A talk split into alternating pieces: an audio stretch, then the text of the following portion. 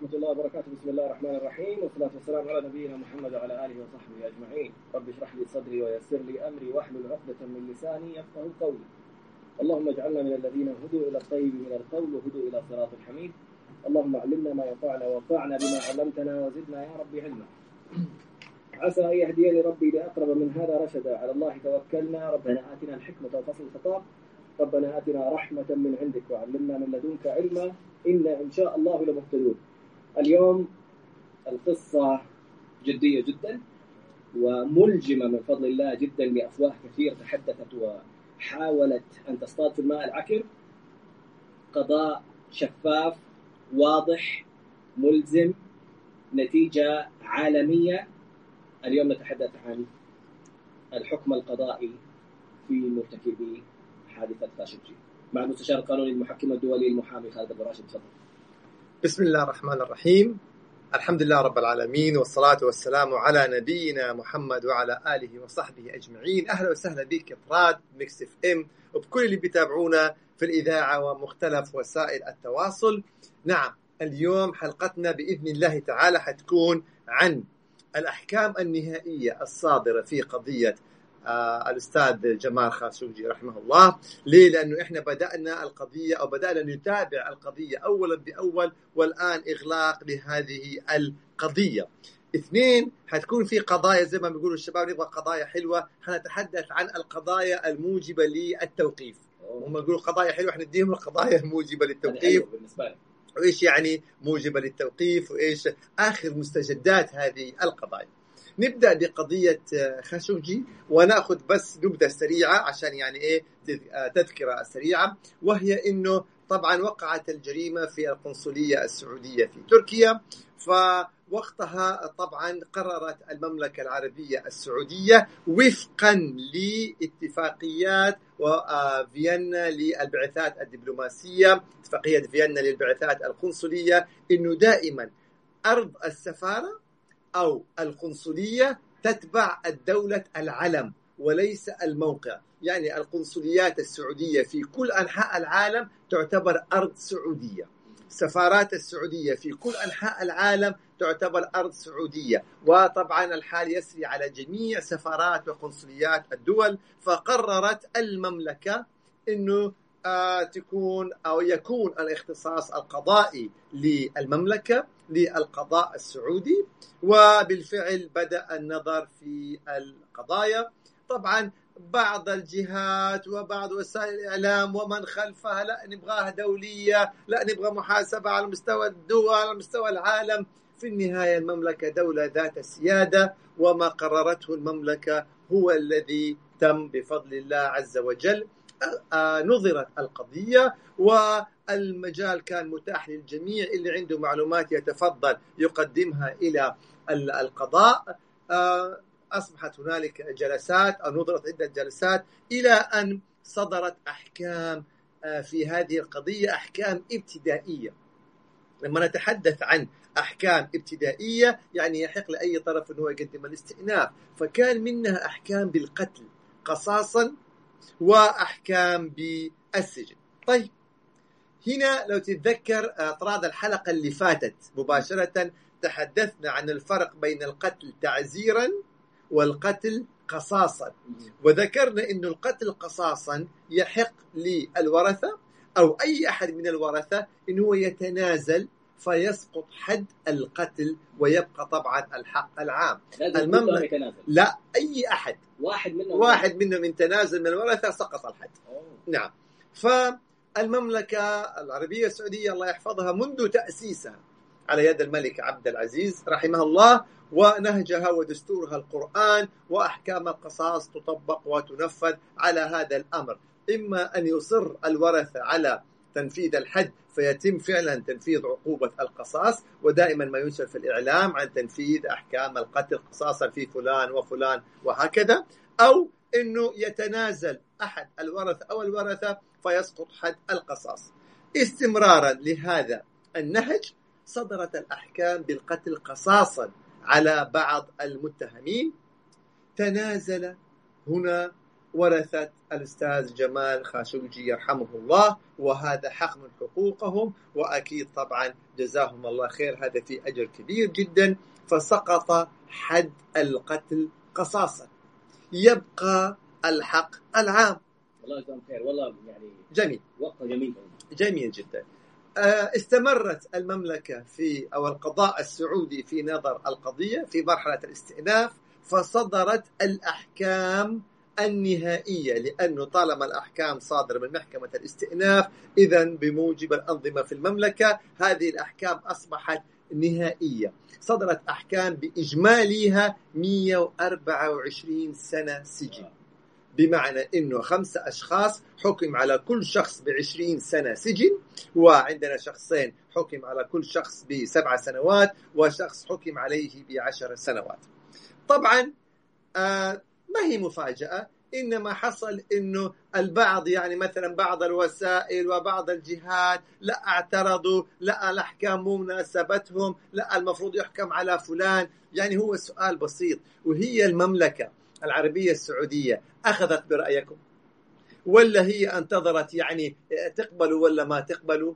المملكة العربية السعودية دولة ذات سيادة من أول يوم في القضية قررت أن الاختصاص القضائي للمملكة طلعوا نزلوا وحاولوا يدوروا القضية ويسيسوها. وفي النهاية ما. قالته المملكة هو الذي تم وما حكم به قضاء المملكة وحده هو الذي ينفذ يعني بكل ثبات وبكل اتزان هذه مملكتنا. الله يحفظها ويحفظ ولاة أمرنا ويديم علينا نعمة الأمن والأمان. وبهذا أغلقت يطراد هذه القضية بالأحكام النهائية الصادرة بالسجن عشرين سنة لكل شخص من المتهمين. الخمسة ثم بالسجن عشر سنوات لأحد المتهمين وبالسجن سبع سنوات سبع سبع سنوات لكل متهم من المتهمين الآخرين. هذا ما حصل في قضية الأستاذ جمال خاشقجي يرحمه الله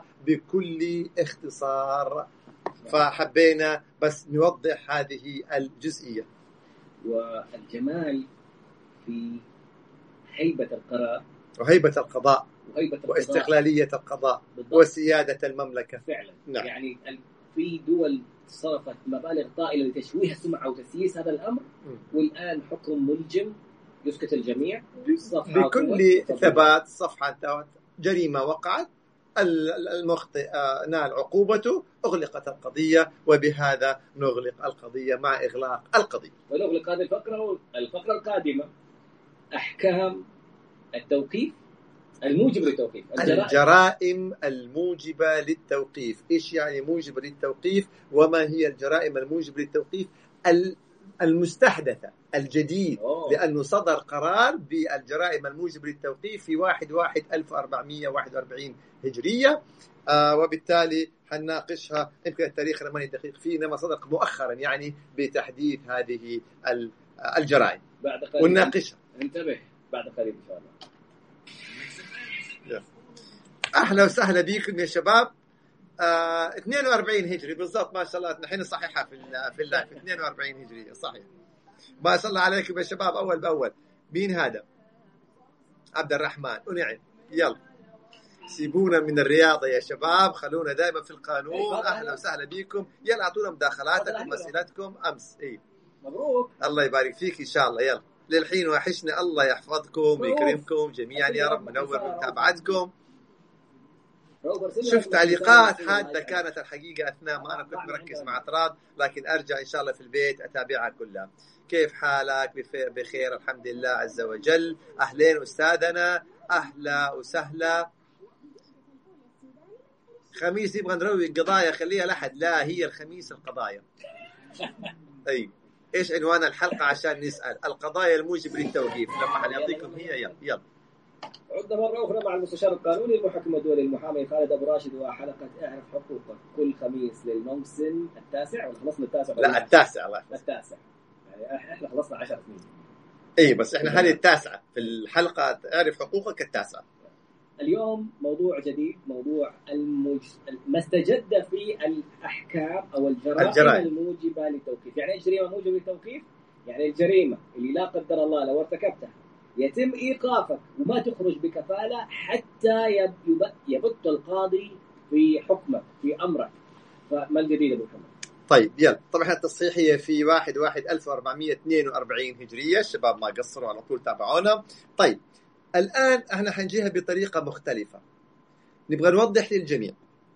إيش يعني جريمة موجب للتوقيف؟ زي ما أنت تفضلت يا طلال إنه الأصل في نوعين من الجرائم. إذا إنسان ارتكب جريمة فتم الإبلاغ عنه يروح إلى قسم الشرطة يطلع بالكفالة الحضورية.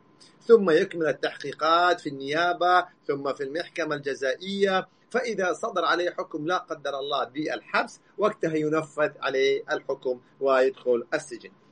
ولكن هنالك قضايا لا بمجرد ما يرتكبها ويتم الإبلاغ عنه يفضل في السجن ما يطلع. لا في فترة لا أثناء الشرطة ولا في النيابة ولا في المحكمة حتى صدور الحكم النهائي يبقى هو في السجن إلا إذا القاضي أو قاضي النيابة عضو النيابة لظروف ما أطلقوا فهنا يكون الاستثناء.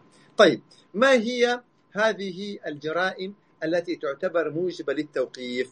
تعرف يا أي أحد يضرب أحد والديه؟ عفوا. فهذه تعتبر جريمة موجبة للتوقيف. اللي يمد يده والعياذ بالله على أي من الوالدين هذا ما يطلع من السجن. حتى ما يطلع من السجن. يعني على طول الشرطة الشرطة يفضل مسجون يحول على النيابة وهو سجين. يتحول على المحكمة الجزائية وهو سجين. ويصدر الحكم عليه وينفذ وهو أصلا حيكون سجين. يبقى هذه إيه أول الجرائم اللي حبينا نوضحها. وكان الشيخ فيصل كان في الحلقة السابقة قال هذا غير يعني اللي حيلاقيه عند الله عز وجل. قبلها في الدنيا كمان. وفي الدنيا وفي الآخرة. هذه عقوبة الدولة. أي واحد يرفع يده على والديه تراها جريمة موجبة للتوقيف. طبعا إحنا نقول إنه الجرائم الغير موجبة للتوقيف لا يعني إنه ما عليها عقوبة. لا ولكن إنه يكون مطلق بالكفالة. هذه لا يفضل في السجن حتى يصدر الحكم عليه. طبعا هذه غير موضوع العقوق. البعض يقول العقوق العقوق هذا موضوع آخر. إحنا نقول الضرب لأنه ممكن يكون العقوق عدم الإنفاق ممكن العقوق يكون عدم الزيارة يعني يعرف كيف وعدم العناية بالوالدين هذه كلها تدخل ضمن العقوق. هذه جريمة أخرى العقوق. عدم الإنفاق عليهم يبقى جريمة أخرى تمام؟ لكن الاعتداء بالضرب على أحد الوالدين على طول. هذه إيش؟ يعني إحدى الجرائم الموجبة للتوقيف. والله بس الكلمة كذا إنه الاعتداء بالضرب على أحد الوالدين الكلمة لحالها مؤلمة. يعني تخالف الطبيعة البشرية. يعني إحنا ما قد شفنا حيوان يعتدي على أمه. ما قد شفنا حيوان يعتدي على أبوه. شوف أنت الآن لما تشوف القطط ولا الحيوانات كيف الهائية. ما ما شفنا هذا الأمر لكن الله يهدي الجميع. اثنين أيضا البعض أسمحوا لي بين قوسين يهايط. إنه يعني آه، هي ما هي في اللغة العربية إنما يعني خلاص اصبحت دارجه يعني يطلع لي بسلاح مسدس فرد رشاش أو شيء من هذا القبيل. أو يعني مثلا أثناء السير يعني زعل مع واحد سقط عليه بالسيارة نزل يشير له مسدس فحب إيه طلع المسدس. طبعا إحنا ما نقول أطلق هذا أطلق يعني موضوع منتهي تماما. مجرد إشهار أوه. السلاح جريمة موجبة للتوقيف. عجيب. هذا مو أطلاق بس تطلعه كذا خلاص. اشهاره طلعت كذا بتهايط بالسلاح. شوف ترى يعني مش تمام؟ موجبة للتوقيف على طول ما تطلع من السجن. حتى لو مرخص. حتى لو مرخص أحسنت حتى لو مرخص.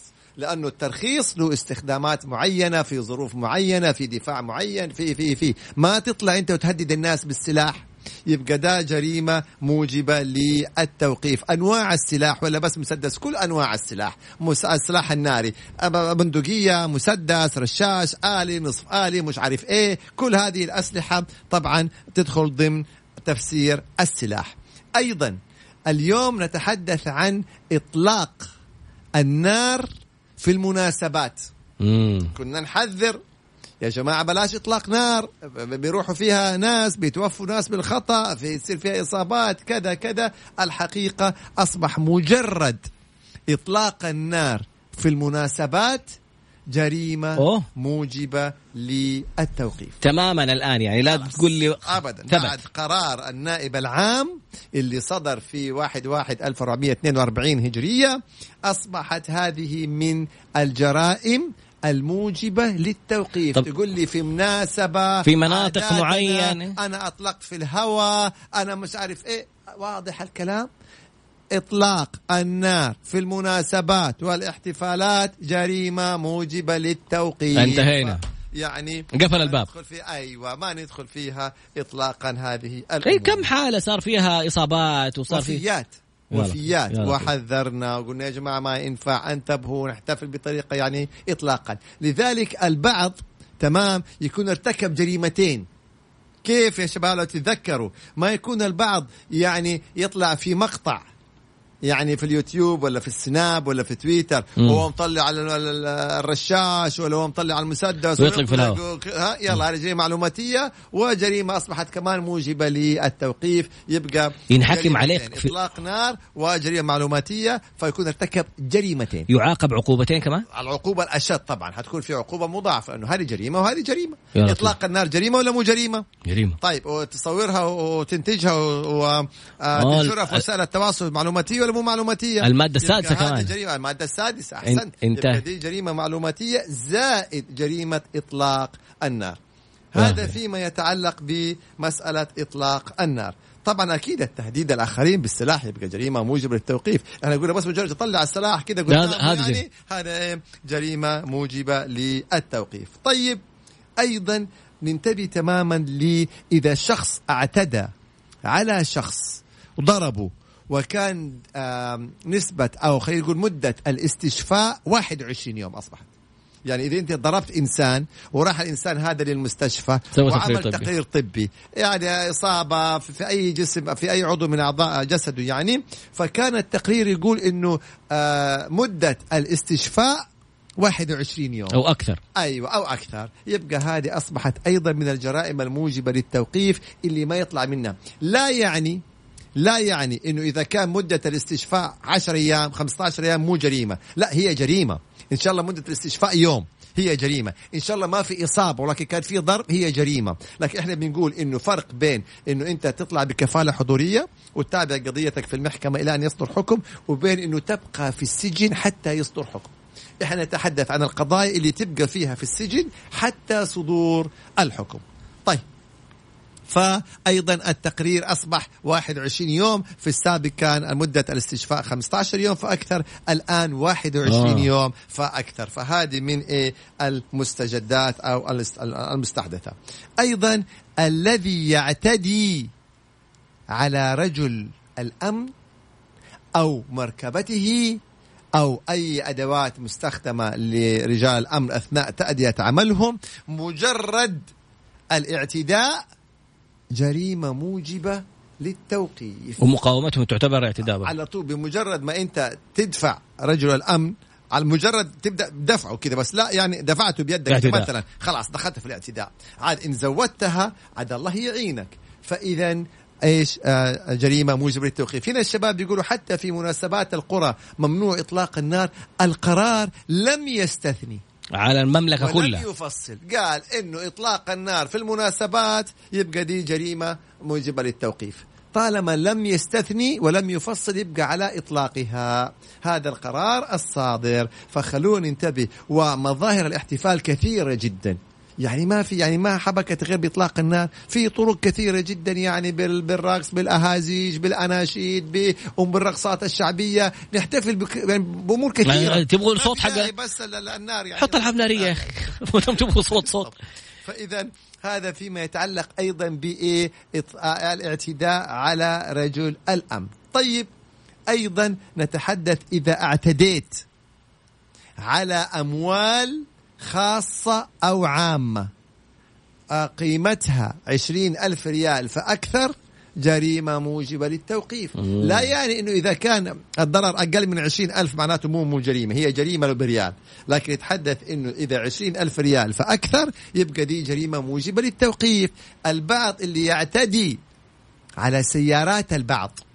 يعني آه، امرأة تسوق السيارة راح هذا كسر لها في السيارة ولا حرق لها ولا كذا على طول جريمة موجبة للتوقيف يفضل في السجن حتى كذا. اللي يروحوا يعتدوا على أجهزة ساهر اللي يعتدوا على سواء كان أملاك عامة أو خاصة تبدأ دي جرائم موجبة للتوقيف.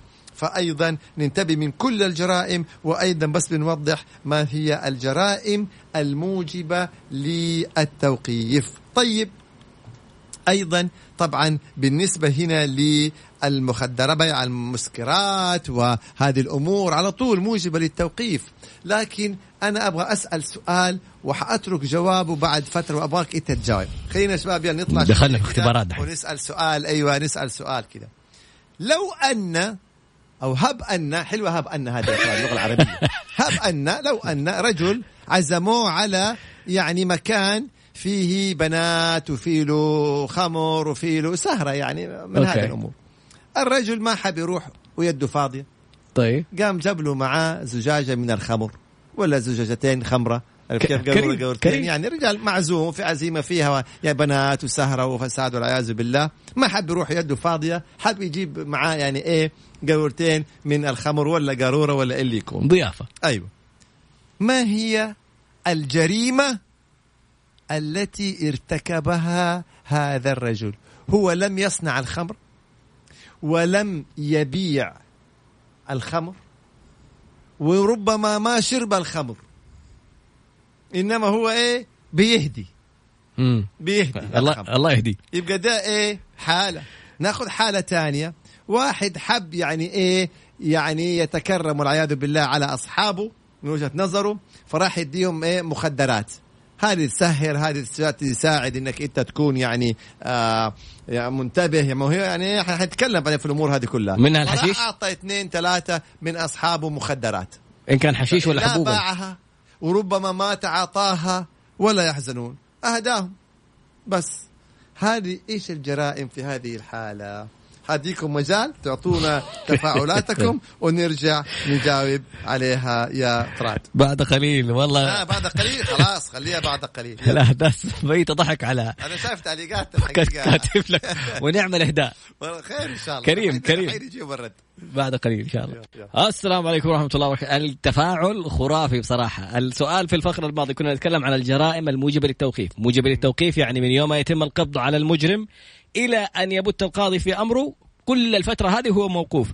فآخر سؤال كان إذا كا- كان شخص ما معزوم في سهرة ما وحب يعني يبغى يضيف الشباب الموجودين وراح جاب معاه قارورة بلاك ولا يعني خمرة. خم خمور مسكرات أو مخدرات وحتى ممكن يكون هو ما شرب أو ما تعاطى. وما باع. ولا باع. بيهديهم إيه، الحقيقة. بيعطي واحد واحد التعليقات يقول لك تهاد وتحابوا. واحد واحد ثاني شكله طالب قانون يقول هذا مروج. طيب. فما الجواب؟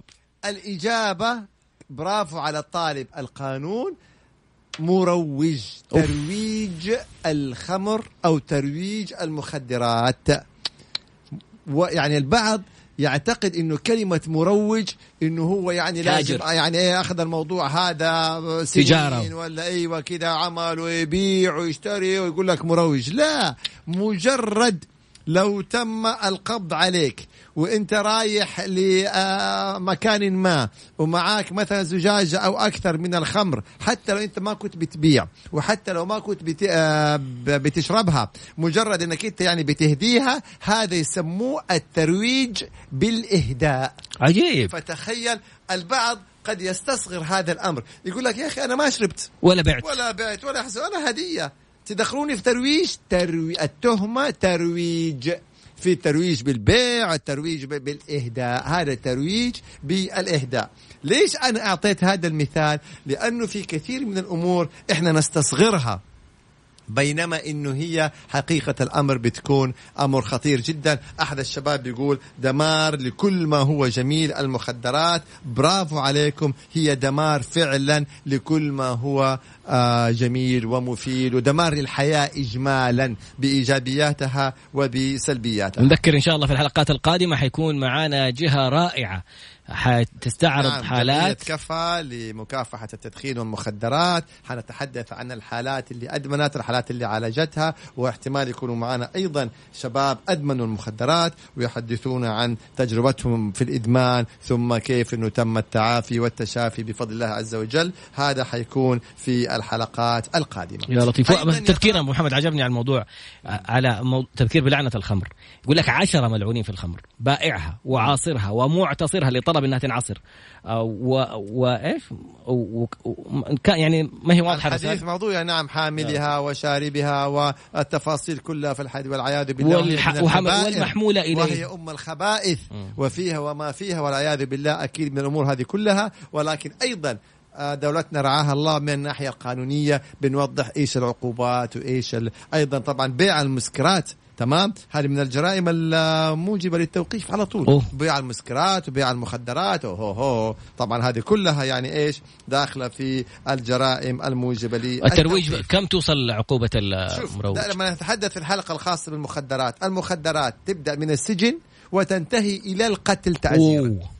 على طول. آه، سنوات من السجن وقد 20 وقد 25 وقد تصل إلى القتل تعزيرا. في الحلقة الخاصة بالمخدرات حنتحدث عن هذه العقوبات. أيضا حوادث السير. تراها ما هي دائما حوادث مرورية. حوادث السير. إذا أنت كنت قاطع إشارة واحد. إذا أنت كنت تجاوزت السرعة بشكل آه، كبير. اثنين. إذا كنت عاكس السير. ثلاثة. إذا كنت آه، إحنا قلنا إذا كنت عاكس سير أو إذا كنت بتسوق آه، الس- ال- السيارة تحت تأثير ال- آه، المسكر. تمام؟ وارتكبت حادث نتج عنه إصابة وهذه الإصابة آه، استشفاء 21 يوم يبقى دي جرائم موجبة للتوقيف. تخيل؟ جرائم موجبة للتوقيف. يعني فيها شرطة ونيابة وقضاء. فايضا نعيد لأنه الشباب بس قطع البث في هذا. نعيد إنه أيضا حوادث السير. إذا كنت أنت عاكس الطريق عاكس الطريق أو كنت قطعت إشارة الحمراء أو إنك أنت سكت تحت تأثير مسكر مخدر حشيش من دي المصايب. تمام؟ في هذه الحالة لو عملت حادث والطرف الآخر إصابته. آه مدة الاستشفاء 21 يوم يبقى في هذه الحالة على طول جريمة موجبة للتوقيف تفضل في السجن إلى أن تنتهي القضية. قضية يعني شرطة ونيابة ومحكمة غير طبعا الحق الخاص اللي يتعلق بهذا المصاب. يبقى أيضا الحوادث المرورية دخلت في الجرائم الموجبة للتوقيف أو نقول بعض الجرائم المرورية اللي إحنا وضحناها وفصلناها يا طراد. هذا فيما يتعلق بجزئية الجرائم الموجبة للتوقيف. تحدثنا عن هذه الت... يعني إيه الحديث فيها والمستحدث فيها وطبعا الاحتيال المالي لما أنت تنصب على ناس يعني في حدود عشرين ألف ريال يبقى دي جريمة موجبة أيضا للتوقيف. لا يعني إنه إذا أنت نصبت أقل من كده ما حيصدر عليك حكم. لا حيصدر عليك حكم لانك أنت نصاب. إن شاء الله بريال. لكن الفرق هل حيصدر عليك الحكم؟ وإنت مطلق يعني تروح المحكمة وترجع بيتك وتروح المحكمة إلى أن يصدر حكم ولا يصدر عليك الحكم والتقاضي وأنت في ال آه، السجين م- موجبة للتوقيف. بس هذا هنا الكلام. نذكر فيها سريعا الاعتداء على الوالدين بالضرب. ال- ال- أو أحدهما. أو أو أحدهما. آه، إفساد الأموال العامة بمبلغ يتجاوز ال 20000 ريال. إتلاف. آه، أي اعتداء على شخص مده التشافي فوق ال 21 يوم آه، 21 يوم أو أكثر. نعم. الاعتداء على رجال الأمن أو مقاومتهم أو اعتداء على رجال الأمن.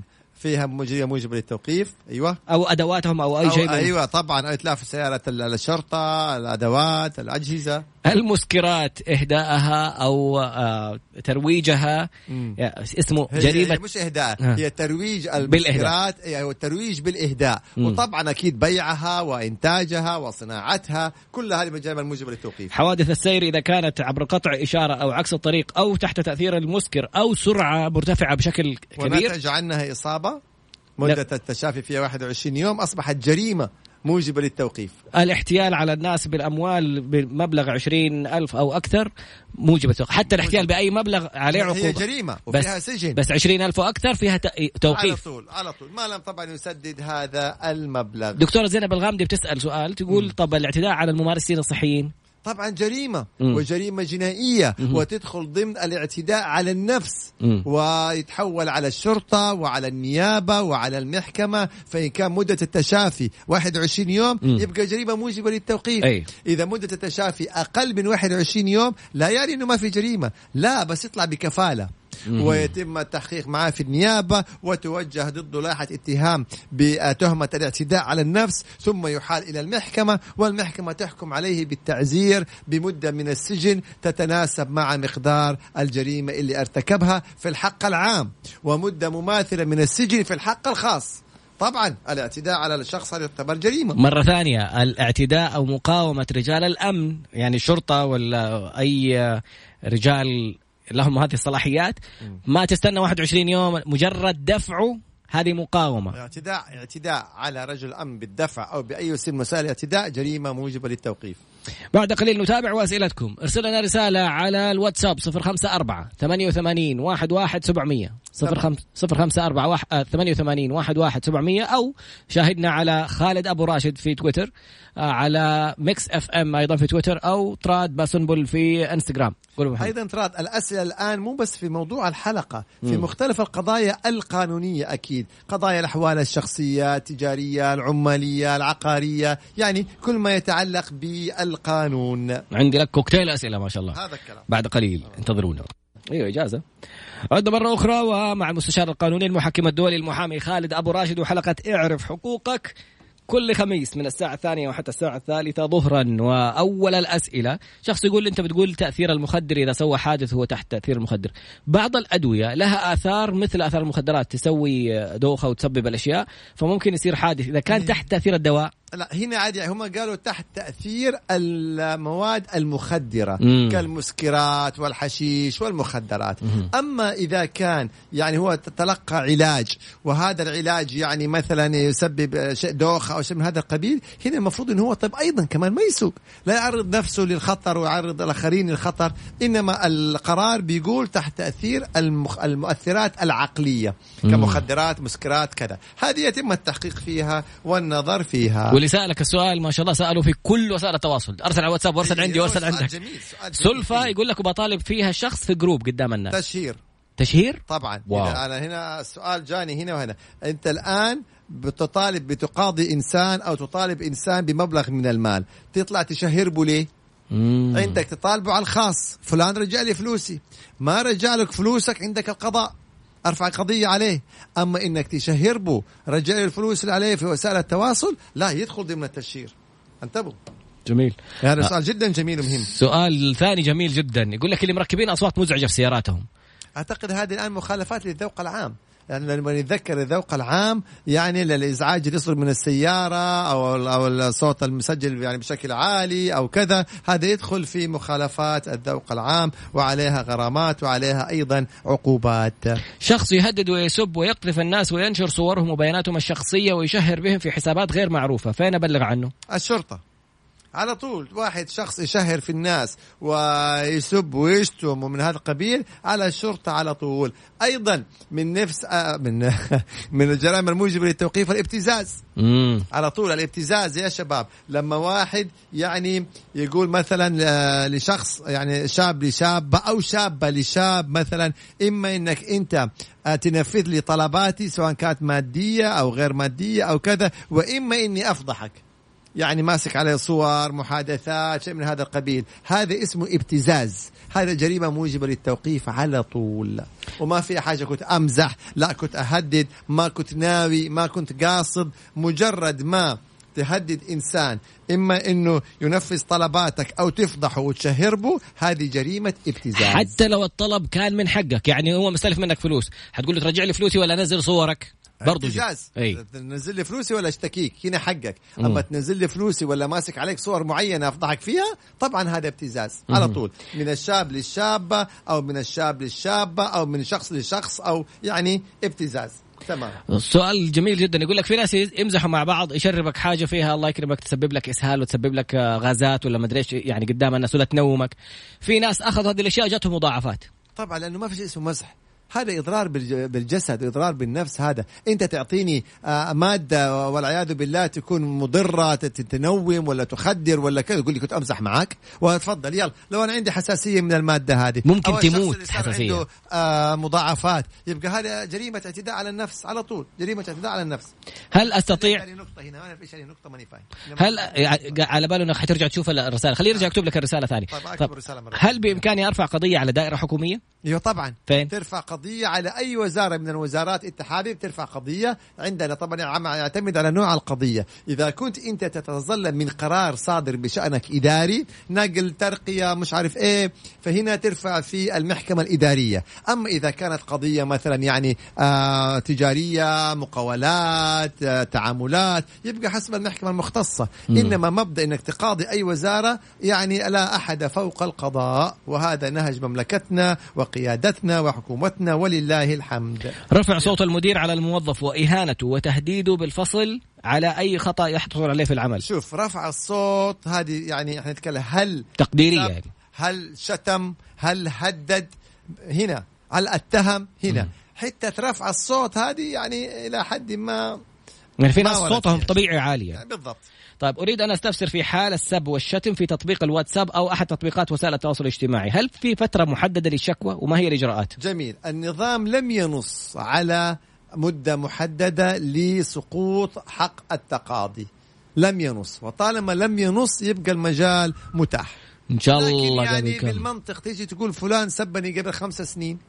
طب انت فينك الخمس سنين؟ يعني هنا قد يضعف قليلا هذا الأمر لكن نظام مكافحة الجريمة المعلوماتية لم ينص أو يحدد مدة معينة يسقط فيها حق إيه؟ التقاضي.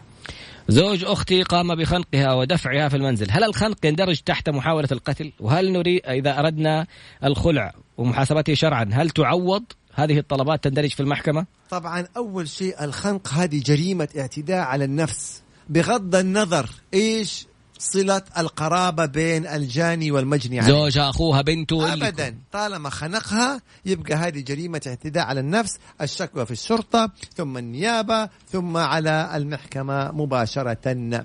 طبعا العقوبة حتكون تعزيرية بالسجن على حسب درجة يعني آه، الجريمة وملابساتها. إيش كان عنده أسئلة ثانية هو؟ فسخ عقد النكاح هل في تعويض لها هي ولا لازم يرجعوا له مهر في هذه الحالات؟ لا إذا ثبت أن طلبها فسخ عقد النكاح بسبب قيامه هو بأذاها يبقى يفسخ عقد النكاح بدون إعادة الأجر المهر. على طول. هل صاحب المؤسسة التجارية يحق له أن يوقع العامل على مخالصة نهائية وهو على رأس العمل بدون تاريخ محدد؟ لا طبعا. لا طبعا. هذا أمر باطل وهذا إجراء باطل ولاغي. وإذا ثبت لدى القضاء العمالي فهو باطل. وفقا للمادة سبعة أو ثمانية ماني متذكرها من من نظام العمل اللي بتنص على إنه يبطل أي تنازل أو إسقاط أو إبراء من للعامل من حق من حقوقه مخالفة للنظام. ما هي المحكمة المختصة بالجرائم الإلكترونية؟ المحكمة الجزائية. هذه كلها جرائم جنائية فالمحكمة الجزائية هي المحكمة المختصة. تمام؟ طيب أيضا في كان جزئية إنه طب كيف أنا أحصل على تعويض مادي من الجرائم الجنائية أو الجرائم الجزائية؟ زي مثلا نعطي مثال على هذه السيدة اللي تم خنقها. مم. العقوبات سجن ما في فلوس. طب كيف أنا أحصل على الفلوس؟ إحنا هنا عفوا. لما آه شخص يتم الاعتداء عليه يروح يرفع قضية في المحكمة. هنا في حقين في حق عام وحق خاص. مم. طيب لما تصل القضية إلى القضاء القاضي يعني حيحكم بسجن مثلا سنة في الحق العام وسنة في الحق الخاص. مثلا يعني أقل أكثر بنقول مثلا. طيب هنا ممكن نأتي للصلح. إنه يأتي هذا الشخص المتهم الجاني المجرم هو يسمى مجرم عرفت كيف؟ ويروح للشخص اللي رفع القضية عليه. سامحني. أيوة طلبتك سامحني أتنازل عن هذه القضية. هنا ممكن هذا الشخص إنه يشترط. تبغاني أتنازل عنك؟ ادفع لي. تدفع لي مبلغ. تدفع لي المبلغ أنا أروح أتنازل عنك. ما تدفع لي المبلغ ماني متنازل. والقضاء ياخذ مجراه. فمن هنا قد يحصل الإنسان على التعويض. هنا يبقى المتهم أمام أمرين. إما يدفع له المبلغ ويصير التنازل عن الحق الخاص. لسه في الحق العام حق الحكومة. أيوة. أو يرفض إنه هو يدفع له المبلغ وبالتالي تستكمل القضية ويعني القاضي يحكم بالعقوبة في الحق الخاص ويحكم بالعقوبة في الحق العام. سؤال كيف أعترض على فاتورة والله بعديني مجال أسأل. هنا بيقول إنه رجل توفى. طيب. وبعد ما مات هذه تحصل؟ بعد ما مات أحد الورثة سحب مبلغ من حسابه. أوه. قبل الدفن. قبل يا راجل أبوك متوفي. لسه ما اندفن. رايح تسحب من الفلوس. طبعا هذا أمر باطل وهذا الإجراء باطل. من اللحظة من اللحظة التي يتوفى فيها الإنسان ماله للورثة. ماله أصبح ملكا للورثة. مم. خلاص قضي الأمر. ولا يحق لأي أحد من الورثة سواء عنده دفتر شيكات بطاقة الصراف الرقم السري. الرقم السري إنه يروح يسحب الفلوس. هذه ترى ممكن تدخل جريمة وهذه خيانة أمانة. وممكن تدخل أيضا يعني أنت كيف تعتدي على مال مو مالك؟ خلاص حتقول طب أنا وريث من الورثة عن طريق القضاء. أو باتفاق الجميع. أما إنك تستخدم بطاقتك أو صاحب البطاقة الخاصة باللي توفى أو يمكن ربما وكالة شرعية البنك ما جاله خبر أو شيكات أنت مفوض بالتوقيع وتسحب طبعا حتلزم بإعادة هذا المبلغ وربما يتم تعزيرك شرعا لأنك استوليت على مال مو مالك. لطيف. فننتبه تماما. طبعا هنا ما هو التعزير دكتورة راما؟ إيوه أهلا وسهلا دكتورتنا دكتورة راما الحقيقة نتمنى لها التوفيق. آه التعزير هي العقوبات التي لم ترد نصا في القرآن الكريم ولكن الله عز وجل فوض فيها ولاة الأمر تشريع هذه العقوبات. يعني اليوم كل العقوبات اللي بنشوفها في الأنظمة هذه. جرائم المع- الجرائم المعلوماتية سنة سجن سنتين سجن خمس سنين سجن عشر سنين سجن الحماية من الإيذاء المخدرات. هذه كلها تعزير هذه كل العقوبات ال- الرشوة ال- كلها هذه تدخل ضمن العقوبات تعزيرية التعزيرية. تقديرية. اللي بتقول وأنا وأنا محامية ما حد رحب بي. محامية. والنعم بيكي محامية. بس والله الاسماء مرة أنا ما أقرأ. نور المحامية نور محامية متدربة. أهلا وسهلا بيكي. والله يوفقك يا رب إن شاء الله. أين اعترض على فاتورة مياه؟ أي راح لشركة المياه يعترض عليها. يعني في, على طول. في جهات يعني مثلا أبغى أعترض. يعني يروح لشركة المياه ويعترض عليها. وإذا لزم الأمر يقاضي شركة المياه. هل الفساد الإداري أو الإهمال الإداري أو اللامبالاة تؤدي إلى هدر المال العام؟ هل عليها عقوبة؟ أيوه طبعا. طبعا هذا يدخل من ضمن هنا يدخل المسؤولية التقصيرية. أوه. المسؤولية التقصيرية هذا باب كبير في القانون. كيف؟ أنت ما ارتشيت وما ارتكبت مثلا يعني خلينا نقول رشوة أو وساطه بهالقبيل ولكن أنت قصرت. ونتيجة لهذا التقصير ما أديت عملك بالشكل المطلوب طبعا نتج عنها آه، ضرر أو إهدار في المال العام. يبقى هذه المسؤولية التقصيرية اسمها قانونا ويعاقب عليها. طبعا امال إيه أنت الآن لما تشتغل في وظيفة الوظيفة هذه لها مسؤوليات وهذه أمان وواجبات إما أن تكون أهل لها أو يرحل فطبعا تدخل ضمن المسؤولية التقصيرية.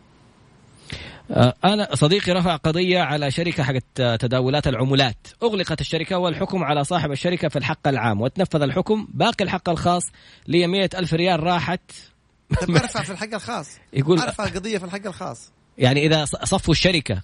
والناس ما استلم يرفع القضية على الشركة. طبعا إذا كان التعامل مع الشركة يرفع القضية على الشركة ويطالب بالحق الخاص فتلزم الشركة بدفع المبلغ أو يتم تصفيتها. تصفيتها يعني بيعها وما لها وما عليها يعين مصفي. وإذا في مبالغ طبعا يسدد بنسبة وتناسب. فانتبهوا لكل شركات التداول الغير رسمية أو الغير مرخصة انتبهوا والله في كل مرة بكل موسم بنقول انتبهوا. يجيك في الوأس أو في وسائل التواصل أعطينا مبلغ وإحنا في في دولة مثلا يكون هم في دولة خليجية ولا أوروبية ولا اللي يكون ونعطيك أرباح شهرية فيبدأوا يأخذوا المبلغ ويعطوك أرباح أول شهر من فلوسك. ثلاثة عشان تدفع زيادة وفي النهاية يقول لك ما- ما هي أبو وانتهى محمد. الموضوع. هي ليست أرباح هي مجرد يعني ياخذ من فلوسك ويديك جزء منها ويقول ويوهمك إنها أرباح. انتبهوا بس بالعقل كيف أنت ترى إنك تعتقد إنك تتعامل مع شركة؟ ويقولوا لك اودع المبلغ في حساب شخصي. شخص ما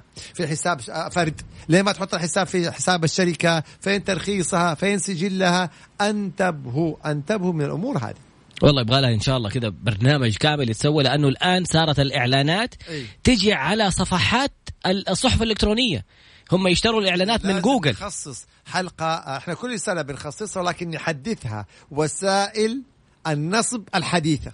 آخر يعني إيه؟ ما وصل إليه. وصل إليه المحتالين والنصابين فهذه نخصص لها حلقة وغالبا بتكون ظريفة يعني لأنه فيها تفاصيل كثيرة جدا. كيف ممكن أسمع للحلقة مجددا؟ عندك واحد اثنين ثلاثة أربعة خمسة خيارات. أيوة. أولا على موقع Mix FM حتلاقي في بودكاست تنزل الأخير في حاجة اسمها بودكاست. ثانيا على حساب Mix FM في إنستغرام ولا تويتر. تويتر تويتر. في وفي حساب خالد حسابي في المفضلة. خالد أبو راشد في المفضلة في تويتر. في حسابي أنا في إنستغرام وفي رابط لقناة البرنامج على اليوتيوب تلاقيه عندي في ال bio في تويتر. فيعني تخير واختار. مين باقي؟ السلام عليكم ورحمة الله وبركاته. صاحب العقار يضايقني في المحل ويبغى إيه؟ ويبغى يخرجني من المحل بأي طريقة رغم إنه باقي سنتين للعقد. صاحب العقار هددني بفصل الكهرباء الله أكبر. رغم أني دفعت صاحب العقار يصور زبالة وناس تدخل تدخن أمس أمام المحل ويهددني بإغلاق المحل. هاي. طبعا أول شيء ما في حاجة اسمه صاحب العقار يغلق المحل. إغلاق المحل هذا من اختصاص الجهات الرسمية بلدية، الأمانة تجارة. التجارة ال- الداخلية ال- يعني الجهات الرسمية. هذا رقم واحد. اثنين إذا قام صاحب العقار بفصل التيار الكهربائي فتوجه مباشرة وقدم شكوى ضده إلى الشرطة. على طول على الشرطة على هذه يجيك الشرطي معاك. فلا يحق لصاحب العقار لا أن يقطع كهرباء ولا أن يقطع مياه ولا أن يغلق محل. صاحب العقار عنده حق يتوجه إلى الجهات القضائية ويطالب بحقه الدولة هي تعطيه حقه والدولة هي التي تنفذ. ما في شيء اسمه شخص ينفذ بيده أو يأخذ بيده هذا الكلام. غير مقبول ابدا وحتصبح جريمة هو ارتكبها والمستأجر يقاضي صاحب العقار إذا قام بأي من هذه التصرفات. وأي أنت ما دام عقدك سنتين أنت جالس جالس لا. تمام. ما حيضرك تهديده. في بالنسبة اثاروا موضوع تفتيش الجوال. بعد قليل. بعد قليل. مين اللي يحق؟ له يفتش الجوال. امم سؤال جدا مهم. جميل لأنه بيتكرر الحقيقة. بعد قليل إن شاء الله. الفقرة الأخيرة في أربع دقائق متبقية مع المستشار القانوني المحكم الدولي المحامي خالد أبو راشد وحلقة تعرف حقوقك كل خميس من الثانية ظهرا حتى الثالثة ظهرا. يعني أجبنا على كم سؤال الناس بيسألوا أول سؤال. بس خلينا جايبه تفتيش الجوال. أيوة. بس في إجابة رائعة من سلطان. مين اللي يحق له يفتش الجوال؟ من ضمن الإجابات آه آه سيدة أجابت أنه الزوجة فقط يحق لها تفتيش الجوال. خلي بالك يعني أجابت بثقة أنه الزوجة فقط يعني أمرا إيه قاطعا. طبعا لا الزوجة يحق لها تفتيش الجوال. ولا الزوج. ولا الزوج يحق له تفتيش الجوال ولا أحد يحق له تفتيش الجوال فقط لا غير عضو النيابة العامة. حتى الشرطة؟ حتى الشرطة. الشرطة أو الشرطي يقوم بتحريز هذا الجوال. بإيه؟ بحفظ هذا الجوال وإحالته إلى النيابة. عضو النيابة فقط لا غير هو اللي من حقه يفتش الجوال بقدر الجريمة ويعمل إيش؟ يعمل من خلالها لائحة الاتهام. يبقى لا الزوجة ولا الزوج ولا أحد يحق له ذلك. وطبعا دائما نقول أنظمة التجسس على بعض ترى هذه جرائم معلوماتية. ثلاث دقائق أبو محمد. تماما. يلا هات الأسئلة. أه، ورثة؟ متفقين إنه جاهم شخص يبغى يشتري عقار الخاص بالورثة بأعلى من سعر السوق. إلا واحد يقول لك لا ينزل مزاد علني. والآن بسبب كورونا والاوضاع يقول لك متأخر الموضوع. كلموا القضاء يبت في هذا الموضوع. كلموا القضاء يقول لك ما نلزم ال- ال- إذا أحد الورثة رفض البيع وطلب عن طريق لا هنا في فرق. إذا الورثة جابوا مشترين جميعا باستثناء واحد رافض ممكن القاضي يعرض على هذا الشخص الرافض. يقول له تعال في مشتري تبغى تدفع زيه أنت شيل. ما تبغى تدفع يبيعه هذا خيار. أو أنه يحال يسموها قسمة تركة إجبار بالنسبة للعقار يحال إلى المزاد. لذلك إحنا دائما بنقول نتمنى من الورثة أن هم يتفقوا عشان ما يضروا نفسهم. لكن الله لأنه أحيانا المزادات تخسف عق... القيمة. يعني أنت جايك واحد بس أعلى من سعر السوق وأنت وأنت هنا رافض في سؤال مهم. إذا فتشت جوال زوجي وإيميلاته يعتبر جريمة نعم. نعم سيدتي يعتبر جريمة. عاد ندري الإجابة هذه ما إنما هي جريمة. وتجسس. صحيح لأنه تجسس وتنصت والدخول على حسابات الآخرين بدون طبعا موافقتهم. هذا نظام مكافحة الجرائم المعلوماتية. نص على ذلك صراحة. الدخول على حسابات الآخرين. لا أحد يفتش جوال الثاني ولا ايميلاته عشانها جريمة. في دقيقة ونصف. سؤالين. مختل عقليا ارتكب جريمة من المسؤول؟ إذا ثبت آه، قضاء وثبت بالأصح طبيا أن هذا الرجل مجنون لا يدرك ما لا يفعل هذا رفع عنه القلم. لا يدرك ما يفعل. أيوه لا يدرك ما يفعل فهذا رفع عنه القلم. خلاص مجنون. إذا ثبت في لجنة طبية متخصصة طبعا. إذا ثبت إنه هذا مجنون المسؤول عنه يعني يسأل. خلاص طبعا. هنا يدخل في المسؤولية التقصيرية. يبقى هذا موضوع آخر. بس إنه كعقوبة جريمة تعلق العقوبة خلاص. آخر شيء علياء تقول أحد سب وشتم في مكان عام وهدد بالقتل. خلاص هذه جريمة على طول فين؟ آه يقدم على المحكمة الجزائية واثنين شهود يشهدوا إنه هو قام بالسب والتهديد وبالتالي يحكم عليه بالعقوبة التعزيرية. شكرا جزيلا انتهى البرنامج وحلقة جميلة وسريعة بصراحة ومحمد معلومات جديدة. كانت دسمة شوية عشان جنائيه يعني هذا طبيعة الحلقات الجنائية. لكن ما شاء الله تبارك الله أخذنا أغلب الأسئلة أيوة تقريبا. هل يحق توزيع الارث الورث من الشخص قبل وفاته؟ طبعا هنا ما يعتبر توزيع، هنا هبات هو في حياته يعني زي ما يبغى. لكن يوصي لا. سبحانك اللهم وبحمدك أشهد أن لا إله إلا أنت أستغفرك وأتوب إليك. كان معنا المستشار القانوني المحكم الدولي المحامي خالد أبو راشد شريك البرنامج والناس يقولوا لي من الضيف. ضيف هذا صاحب مكان. حبيبي. ف... أستاذنا. فالحلقة اسمها اعرف حقوقك كل خميس من الساعة الثانية ظهرا حتى الثالثة ظهرا. انتهت الحلقة. سبحانك اللهم وبحمدك أشهد أن لا إله إلا أنت أستغفرك وأتوب إليك. محمد فما. شكرا لك طراد وللجميع. نلقاكم الأسبوع القادم على خير بإذن الله تعالى يا رب. مضي؟ لا غيرناه والله؟ إي والله. السلام عليكم.